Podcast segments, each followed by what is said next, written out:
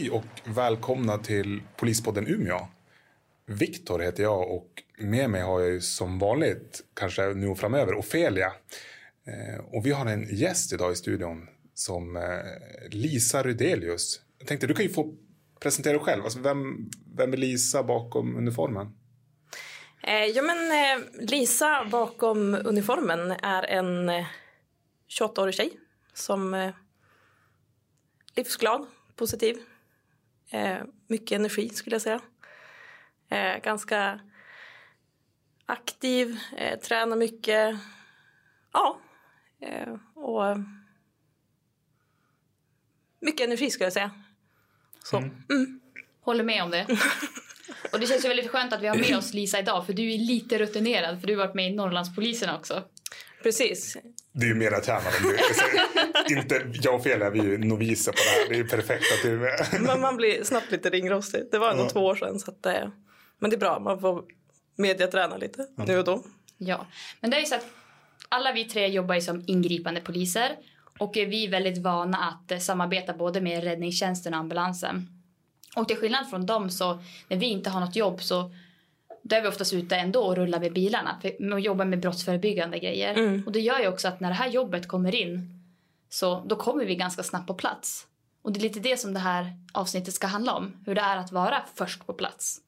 Mm. Så jag tänker att jag har ju förberett dig lite om att det är det ämnet vi ska prata om. Jajamän. Är det någon händelse specifikt som du kommer att tänka på när du hör först på plats? Ja, men när jag fick frågan om jag ville vara med i den här podden då eh, var det automatiskt ganska snabbt en händelse som jag eh, ofta tänker på när jag hör just först på plats.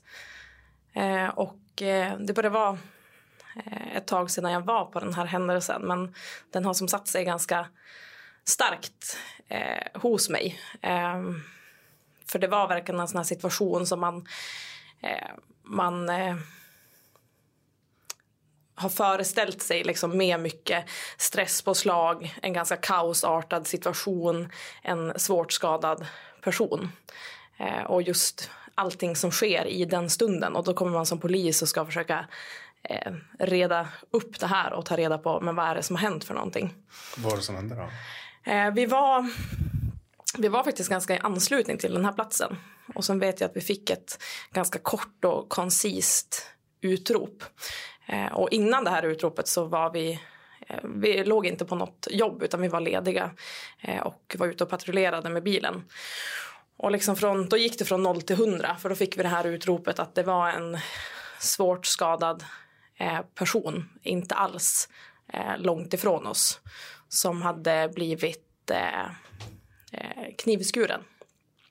Och ehm, då... Ehm, man vänder ju ganska snabbt liksom, från att det var en ganska lättsam stämning i, i polisbilen och man kanske har pratat om vad man eh, ska göra under den lediga dagen, under morgondagen eller liksom allt mellan himmel och jord eh, till att liksom snabbt ändra fokus. Att jo, men, man går ju man blir jättefokuserad. Stress kan ju vara bra på det sättet att man, eh, man kan ju använda det på ett sådant sätt att, att man eh, blir väldigt inriktad på uppgiften som man ska lösa. Absolut. Så vi eh, börjar styra mot den här eh, platsen som vi har fått. Men det är väldigt oklart, för det är en väldigt oklar eh, position. Så att ledningscentralen kan inte liksom säga exakt vart det här är. För på platsen så är det väldigt stressigt. Vi har en anmälare som är väldigt chockad och heller inte kan säga exakt gatunummer. Och där tyckte jag att jag märkte på mig att det tyckte jag nästan var det, det jobbigaste i det här. Att man visste att vi hade en riktigt svårt skadad person och vi hittade inte dit. Eh, och de här sekunderna och minuterna på väg till det här jobbet när man som eh, det kanske inte egentligen var särskilt många sekunder som det tog för oss att hitta dit. Men det känns som en evighet när man inte exakt vet vart man ska någonstans. Men eh, efter en stund då så kunde vi se blåljus från ambulansen eh, som styrde med oss. Så vi kom dit ganska samtidigt som ambulansen. Och då var det ju en eh, svårt, svårt skadad person. Eh, och eh, min första tanke var när jag såg den här personen att det här, det känns kört. Liksom. För den var så svårt skadad. Och jag och min kollega vi hjälpte till att lasta personen upp på ambulansens bår. Eh, och det var liksom tempo, tempo, för vi förstod att här handlar det om sekunder för att den här personen ska ha en chans att klara sig. Eh, personen blir inlastad i ambulansen och eh, då blir det att i det, den sekunden så kan jag börja känna att okej, okay, men nu måste jag fokusera på det polisiära. Här har vi en brottsplats. Vad är prio för mig här? Jo, men dra en avspärrning. Det är inga personer som inte eh, har med det här att göra. Som ska, det är inga personer som ska vara inne på det här området. Hur kändes det då att växa liksom, från att den här personen som blöder jättemycket förstår jag det som mm. till att växla till någonting annat? På något sätt blir det också kanske lite tryggt i den situationen. För det är någonting som jag kan och sånt som vi gör ofta. Att man kommer på en brottsplats och man inser att ja, men här har det varit ett allvarligt brott, här måste vi spärra av. Då kan man gå in i den rollen att ja, men nu, nu är det en brottsutredning. Eh, när man kommer som första patrull och samtidigt som ambulansen och vi märker att de förlitar sig också på att vi måste hjälpa dem i den situationen. Eh, det, vi kan ju en del akutsjukvård som poliser, absolut. Eh, men det är ju samtidigt inte det vi är bäst på. Eh, så att jag tyckte nästan att det var, ah, men nu är den personen lastad, jag kan inte göra så mycket mer där. Och då kan jag börja fokusera på, på det polisiära. Ja, och samtidigt som det så kom det fler patruller och då vet jag att jag kände bara, åh, vad skönt för just att, att man har kollegorna där och man kan börja med det här lagspelet som är så viktigt. För det här har man ju verkligen inte i land eh, ensam. Nej, precis. Men jag tänker, jag vet ju själv, jag har också varit i liknande situationer mm. och jag vet att innan jag blev polis och då funderade jag också mycket kring Ja, men det går ju väldigt snabbt. Hur vet man vem som gör vad? Ibland kan man ju faktiskt komma tre polisbilar samtidigt. Mm. Hur, typ du och din kollega, hur vet ni vem som gör vad? Var det förutbestämt? Hade ni pratat om det i bilen eller? Nej, jag tror på, på den korta stunden som vi hade eh, på vägen fram dit så hade vi nog inte pratat om det. Men vi var ganska tydliga med varandra när vi väl var där. Jag gör det här, gör du det här. Eh, och blir som ingen diskussion. Nej, det blir som ingen nej. diskussion och det finns heller inte utrymme för att, att det kan bli en diskussion. Utan det handlar om att någon måste lite ta kommandot i den situationen och lite styra. Eh, men sen ofta i de här kaosartade situationerna så handlar det ofta om att bara ta sig en uppgift. Att man kan inte förvänta sig att det är någon som ska säga till mig, gör det här. Utan det handlar om att man måste, man måste träna på att man ska se vad, vad är mest akut just nu? Eh, hur ska jag prioritera? Ja, men det här är ju, jag måste ju se till att den här mannen som är skadad, att han kommer upp på båren. Ja, men det är ju absolut det viktigaste just nu. Och då kan man som check, ja men då är det klart. Vad är viktigast efter det? Och sen får man som checka av den här listan. Och det är precis som du säger, vårt prio ett är ju att rädda liv i en sån mm. situation. Så mm. det får ju gå först före allt annat. Absolut. Men sen blir det att säkra brottsplatsen. För vi vill ju kunna lagföra någon för det här brottet också. Mm. mm. Vad, vad hände sen då? Alltså, slutade det med att men, ni säkrar brottsplatsen? Eller vad hände sen? Nej, eh, efter bara Eh, precis när jag hade hämtat det här avspärrningsbandet så hör jag hur ambulanspersonalen ropar typ i panik bara polis. Eh, så jag springer till ambulansen Eh, och då säger de att den här personen har fått hjärtstopp. Och eh, jag blir beordrad av ambulanspersonalen att jag ska börja göra hjärt och lungräddning på den här personen. Då. Eh, och det var första gången som jag någonsin hade gjort det. Och jag vet att när jag har tränat, vi tränar jättemycket på polisutbildningen på just hjärt och lungräddning. Och jag vet att jag har lärt mig att man ska göra kompressionerna efter den här låten Staying Alive. Så jag vet att jag hade den i huvudet mm. när jag gjorde de här kompressionerna. Eh, och jag tror jag körde kompressioner kanske i... Det känns ju som en evighet, men det kanske rörde sig om en minut eller så. Mm. Och då sa de att han kom tillbaka att de hade fått puls på honom igen. Så mitt i allt det där, när jag var beredd på att ja, men nu ska jag sätta avspärrningsband, vi har en brottsplats, då hamnar jag i en ambulans. Eh, och jag fortsätter med de här kompressionerna tills vi i princip kommer till akuten där de säger att ja, men, nu har han puls. Och liksom den där... Eh, då har man liksom varit i 110 procent, ganska mycket stresspåslag, göra hjärt och lungräddning och sen helt plötsligt så blir den här personen lastad in i ett, skjutsad till ett intensivrum och sen står man där. Och då vet jag att jag reagerade över så här, nu skakar mina händer. Mm. För då gick det som från 100 till noll. Och det, och det är ganska vanligt och mm. det är lite det här adrenalinet och det är det vi behöver. Mm. Kan jag uppleva när man kommer i sådana pressade situationer då behöver man det här adrenalinet för att kunna hantera det och kunna. Mm. Absolut. Jag vet att själv någon gång, jag har också tänkt på det, ja, men adrenalin, händer som skakar? Mm. Men jag hade något ingripande där jag höll fast en man ut från ett eh, en bilruta. Liksom han satt på passagerarplats och han fick sträcka ut händerna genom bilrutan och så tog jag tag i dem. Och det hade föranletts av ja, men en slags jakt innan. Jag vet att när jag stod och höll händerna där, jag kände, jag såg liksom händerna skakar. Mm. Jag kände mig ja, men ganska målmedveten, jag visste ju vad jag skulle göra. Mm. Och så hör jag personen som sitter då på passagerarplats. Gud vad du skakar, är du nervös eller? Och då blir man liksom, samtidigt, man, man blir förbannad. För nej, jag är inte, jag är inte nervös. Alltså, vad tror du? Liksom, jag är ju förbannad. Jag är ju, jag är ju uppumpad liksom, mm. för att ta den här personen. Mm. Så det är inte konstigt heller liksom, att man, även i din situation, liksom, att man Ja, kanske speciellt i en situation att man skakar sen liksom, när man kommer ut ur det här. Ja, det är en naturlig reaktion. Men jag tänker också när du gick från 0 till 100, vad gick genom huvudet då? Tänkte du när jag var på akuten? Nej, jag tänkte framförallt när de ropade polis, polis. Mm. Och när du fick börja, du säger själv att du aldrig gjort hjärt och lungräddning förut. Mm. Vad, vad gick det för tankar genom ditt huvud då? Men jag blir ju sådär att, att i en sån situation så blir jag väldigt fokuserad. Bara, men det här är min uppgift nu. Jag, jag ska göra hjärt och lungräddning.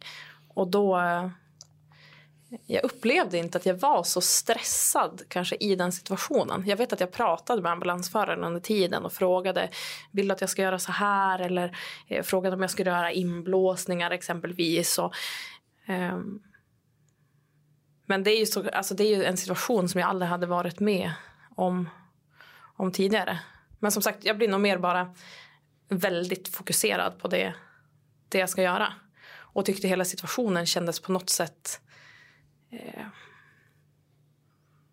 ja, alltså fem minuter innan så hade jag varit liksom patrullera med kollegan och nu står jag här i en ambulans och gör hjärt och lungräddning på en kille som är svårt skadad.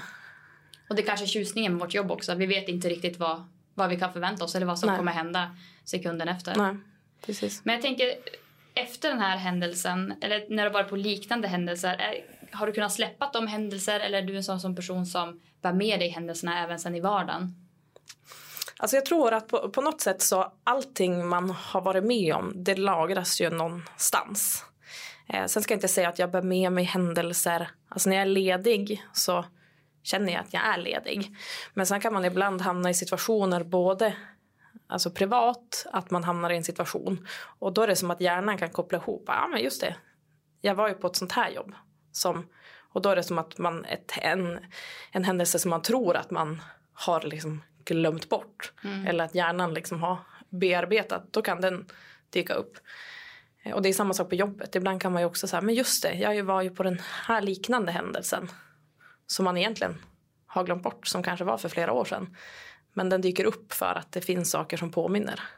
Det kan även vara dofter kan jag tycka. Eh, ja, men som den här först på plats händelsen som jag berättade om nyss. Eh, det skedde på hösten och jag kan komma ihåg hur vädret var då. Lite regnigt och löven hade liksom precis släppt. Och ofta den tidsperioden, om det är precis som det vädret är och det, det är den här känslan i luften, då kan jag komma att tänka på, på det här, även när jag är ledig. Hur, hur är, kan du känna liksom att det finns ett, ett ett driv hos dig eller ett begär hos dig att vara den som är först där. Liksom. Alltså på händelser, att vara där det händer. Jo, men det är ju mycket varför jag har valt polisyrket också. För att det är ju få jobb där man får chansen att vara där det händer och vara den här personen som har möjlighet att göra en jättestor insats. Eh, om de andra bilarna inte hade kommit då? Du nämnde ju det mm. att de, de kom efter ett tag och det kändes skönt. Mm. Om de inte hade varit där, mm. att de var 20 minuter bort. Mm. Hur hade det känts? Men då såklart man känner sig otillräcklig. För då vill man ju göra så himla... Man vill göra mycket. Men som Ofelia sa, rädda liv, ja men det är ju prio ett. Och det finns ju liksom ingen annan... Är det bara jag och kollegan där då, då, men då är det ju det vi måste fokusera på. Eh, men det är ju liksom få förunnat att man får ha ett jobb som eh, ja, men, där man får möjlighet att faktiskt rädda liv eller man får möjlighet att klara upp ett stort brott. Man får möjlighet att ja, men, hindra den här personen från att göra illa sig själv. Eller, det, ja, det är en fantastisk upplevelse. Mm, mm. Och så framförallt du nu också som har fått vara med och gjort det blir så konkret när man gör hjärt och lungräddning och sen så får personen puls igen. Mm. Det blir så tydligt att man faktiskt är med och mm. räddar liv. Mm. Det är ju typ som på film. Alltså det jo, känns det är ju, jo, jag har aldrig upplevt det. Och Nej. Det låter verkligen som på film. Ja, men det sjuka var jag och en kollega hade eh, bara någon vecka innan eh, pratat om det här när vi jobbade. Så bara, har du gjort hjärt och, hjärt och lungräddning någon Nej. Och han hade mm. jobbat i så tio år typ. Jag bara, nej inte jag heller. Och sen så vips så hamnar man i en sån situation. För i Umeå är det ju inte jättevanligt. Jag vet ju bland annat i Stockholm så då åker de ju på hjärtstopp. Mm. I alla fall man har hört som, av kollegor som har jobbat i Stockholm. Mm. Men det gör ju inte vi i Umeå. Nej. Så det är väldigt ovanligt. Mm. Det är det. Men du, jag tänker... Oftast när vi åker mot jobb, vi får ju inte jättemycket information. Vi får ju oftast väldigt lite information och det stämmer inte alltid överens med verkligheten, vad man möts av där framme. Hur är det att åka mot ett sånt här jobb och inte ha hela bilden framför sig? Man får lite förlika sig med att man inte har hela bilden, tänker jag. Och att man får skapa sig en bild när man kommer dit. Kan inte det vara ganska skönt? Alltså, eller det reagerar jag på. Mm. Alltså att, att skapa, som du säger, skapa mm. sig bilden när man kommer dit, kan inte det vara ganska härligt om jag går till mig själv? Jo, men jag tror att där är vi lite olika. Och jag är ju väldigt kontrollfreak. ja. Det är jag ju. Eh, så jag vill gärna ha så mycket information som möjligt. Och det märker jag också själv när jag sitter på radioplats. Att jag frågar ju också efter mycket information. Men jag har också lärt mig att hantera det här att vi kan ju faktiskt inte veta allt. Utan, och, och de som ger oss informationen, de, de är ju inte själv på platsen. Så att oftast inte. Oftast är det ju våra operatörer uppe på RLC, som mm. ledningscentralen, som ger oss informationen. De är ju själva inte på platsen så de kan ju bara ge oss informationen som de har fått in. Så jag har liksom förlikat mig med att man kan inte veta allting. Utan mm. vi får se när vi kommer fram helt enkelt. Nu avbröt jag dig lite när du skulle, när du skulle svara, svara Lisa. Jag minns inte riktigt vad jag skulle, skulle, svara. Men jag tror jag är lite mittemellan er. Alltså mittemellan control freak och och vad, vad, vad skulle du beskriva mig? Vad motsatsen är. eh, nej, men jag vill ha lite info men kanske ändå inte så att man har så mycket info Självklart, man tar ju den informationen som finns. Men ibland tror jag också att får man för mycket information som kanske heller inte är helt säker, då kanske man låser sig med att man kommer mötas av en viss sak när man kommer fram. Eh, men sen så när man väl kommer dit så är det något helt annat. Och så är det ju typ hälften av grejerna som vi åker på när man kommer fram bara jaha, nej men det här var inte alls eh, som vi trodde. Eh, att det blir så här tvära vändningar. Så att lite lagom mycket info kan jag nog tycka är ganska skönt. Mm. Och återigen, det är också lite tjusningen kan jag tycka. Absolut. Men jag tänker att vi ska gå vidare. Vi har fått en fråga från en allmänhet som du Viktor ska få svara på. Okej. Okay. upp till bevis. Var, vart sätter vi nivån på de här frågorna? vi ska se här. Ja. En gång blev jag omkörd på ett olämpligt ställe av en polisbil som körde i hög hastighet. Den stannade sedan längre fram vid ett rödljus. Får ni göra så? Eh, alltså korta svaret är ja, det får vi. Eh, sen kan jag förstå att det ser lite konstigt ut. Men när, när vi som ingripande poliser kör utryckning egentligen, eller det finns egentligen tre angeläg, angelägenhetsgrader när vi kör polisbil. Eh, första kallas för tjänstutövning. Det betyder till exempel att när vi åker på ärenden där det inte är bråttom i tidshänseende alls. Det kan både vara när vi inte har något jobb, men också när vi ligger på något jobb. Ehm, då har vi eh, undantag att till exempel köra på cykelbanor, köra, eh, köra mot enkelriktat ehm, och liknande. För att det krävs i våran tjänst. Det skulle inte funka liksom om vi inte fick köra på en cykelbana för att där sker det brott. Liksom. Vi måste ju ta oss fram dit för att kolla. Eh, andra angelägenhetsgraden är brådskande eh, tjänstutövning. Jag tror att det är det som den här personen beskriver. Eh, då, är det, då är det uppdrag egentligen som vi blir beordrade på där vi inte kan vänta. tror jag man brukar kunna beskriva det som. Alltså där vi, vi kan inte vänta med det här. Ehm, då har vi undantag att eh, köra för fort. Men vi får till exempel inte köra mot rött. Ehm, så det är väl kanske det som den här personen beskriver. Alltså att vi har, i det här tillfället kanske man körde brådskande. Och eh, ja, man körde för fort, körde om och så sen blev det ett rödljus och så får man stå där och vänta lite glatt. Precis, för vi får faktiskt inte då bryta mot Nej, den här nej regeln. vi har inte undantag där. Eh, och så sista är trängande, eh, trängande körning. Och det betyder att då får vi eh, påkalla fri väg till exempel med ljud och ljussignaler, blåljus. Eh, och vi har även undantag att köra mot rött ljus, köra mot stopplikt till exempel, köra över heldragen linje också. Ehm, och då, vi använder då oftast ljud och ljus. Ehm, vi kan bara använda ljus också och i vissa fall kanske vi inte använder någonting alls. Vi kanske måste komma dit obemärkt men ändå så pass bråttom. Och trängande, då brukar man prata om att det ska vara eh, risk för liv eller hälsa eller Större egendomsskada. ja, bra Lisa. Ja, det här kan jag. Du fick alla rätt på det där provet. Nej, men sen, jag vet inte. Men om jag ställer frågan tillbaka till dig. Hur, hur känns det att, om jag tar det exemplet, att köra fort med blåljus? Och så sen, för vissa gånger kanske radion ropar upp och säger att nej men det var ingenting. Och slå av den där blåljusen och köra som vanligt. Hur känns det? Ja, jag tycker att det är jättejobbigt. För jag vet ju att det, det ser ju jättekonstigt ut och de har kanske precis kört ganska fort genom centrum. Man kör ju såklart alltid försiktigt. Men vi kanske har kört ganska fort och sen så ropar kollegorna ah, men det är lugnt på plats, ni behövs inte, ni, ni kan vända. Och jag kan inte fortsätta köra blått bara för att det ska se bra ut. Köra kvarteret runt liksom och slå av? Ja, nej, men jag kan inte göra det. Utan jag får ju slå av på en gång och dra ner på takten. Då kanske jag har kört förbi ett rödljus och sen så kommer nästa rödljus och då slår jag blåljusen. Och så stannar jag. Och då tänker jag ju att ja, men personerna som ser mig, ja, hon ville bara köra förbi ljuset, Men det är ju inte så. Så jag tycker att det är jättejobbigt. Jag hade också någon sån där händelse alldeles nyss där jag, eh, det var liksom ett bråttom bråttom jobb så att vi körde ju trängande då genom stan. Jag körde. Och sen var jätte, det var rusningstrafik, körde genom Umeå, flera rödljus. Och sen precis när vi hade kommit förbi rödljusen då blev vi återkallade. Eh, och då, då slog jag av blåljuset men då var det nästan så att jag var tvungen att ta liksom en liten extra sväng på andra sidan om, om älven bara för att jag, det kändes fel att bara vända. Och, Låtsas att du var på väg någonstans. jo, exakt. Ja. Ja. Men jag tänker vi ska avsluta lite här. Men är det någonting om den här händelsen som du har eh, berättat om som du kan ta med dig till framtida händelser? Ja, men absolut. Jag tycker att det är, det är ganska mycket. Eh, Men främst är det väl att det är nog den situationen där jag har fått uppleva den här stressen eh, som man pratar om eh, som när man är först på plats som allra tydligast. Eh, Men också vetskapen och tryggheten att, att alla erfarenheter man lär sig utav det. Och det, jag kan som landa i det att så men nu har jag faktiskt jag var i en sån situation och då gjorde jag så här. Och jag gjorde HLR och det här gick bra. Att eh, man bygger ju upp en form av rutin kring det också.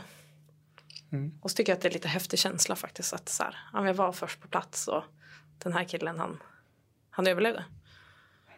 Så att, eh, Väldigt det är häftigt. häftigt att bära. Men jag vill egentligen bara skicka med er som lyssnar. Vi älskar ju att få frågor. Ibland kan vi tänka att ja, men det finns ganska självsvara svar på de här frågorna. Ehm, men det är för att vi jobbar ju med det här hela tiden. Så att ni får jättegärna fortsätta att eh, fråga oss på stan när ni träffar oss. Men vi har också en Instagram som heter ingripandepoliserna understreck Umeå. Och där får ni jättegärna antingen kommentera på bilder eller skicka meddelande till oss om ni har några frågor som ni vill att vi ska svara på.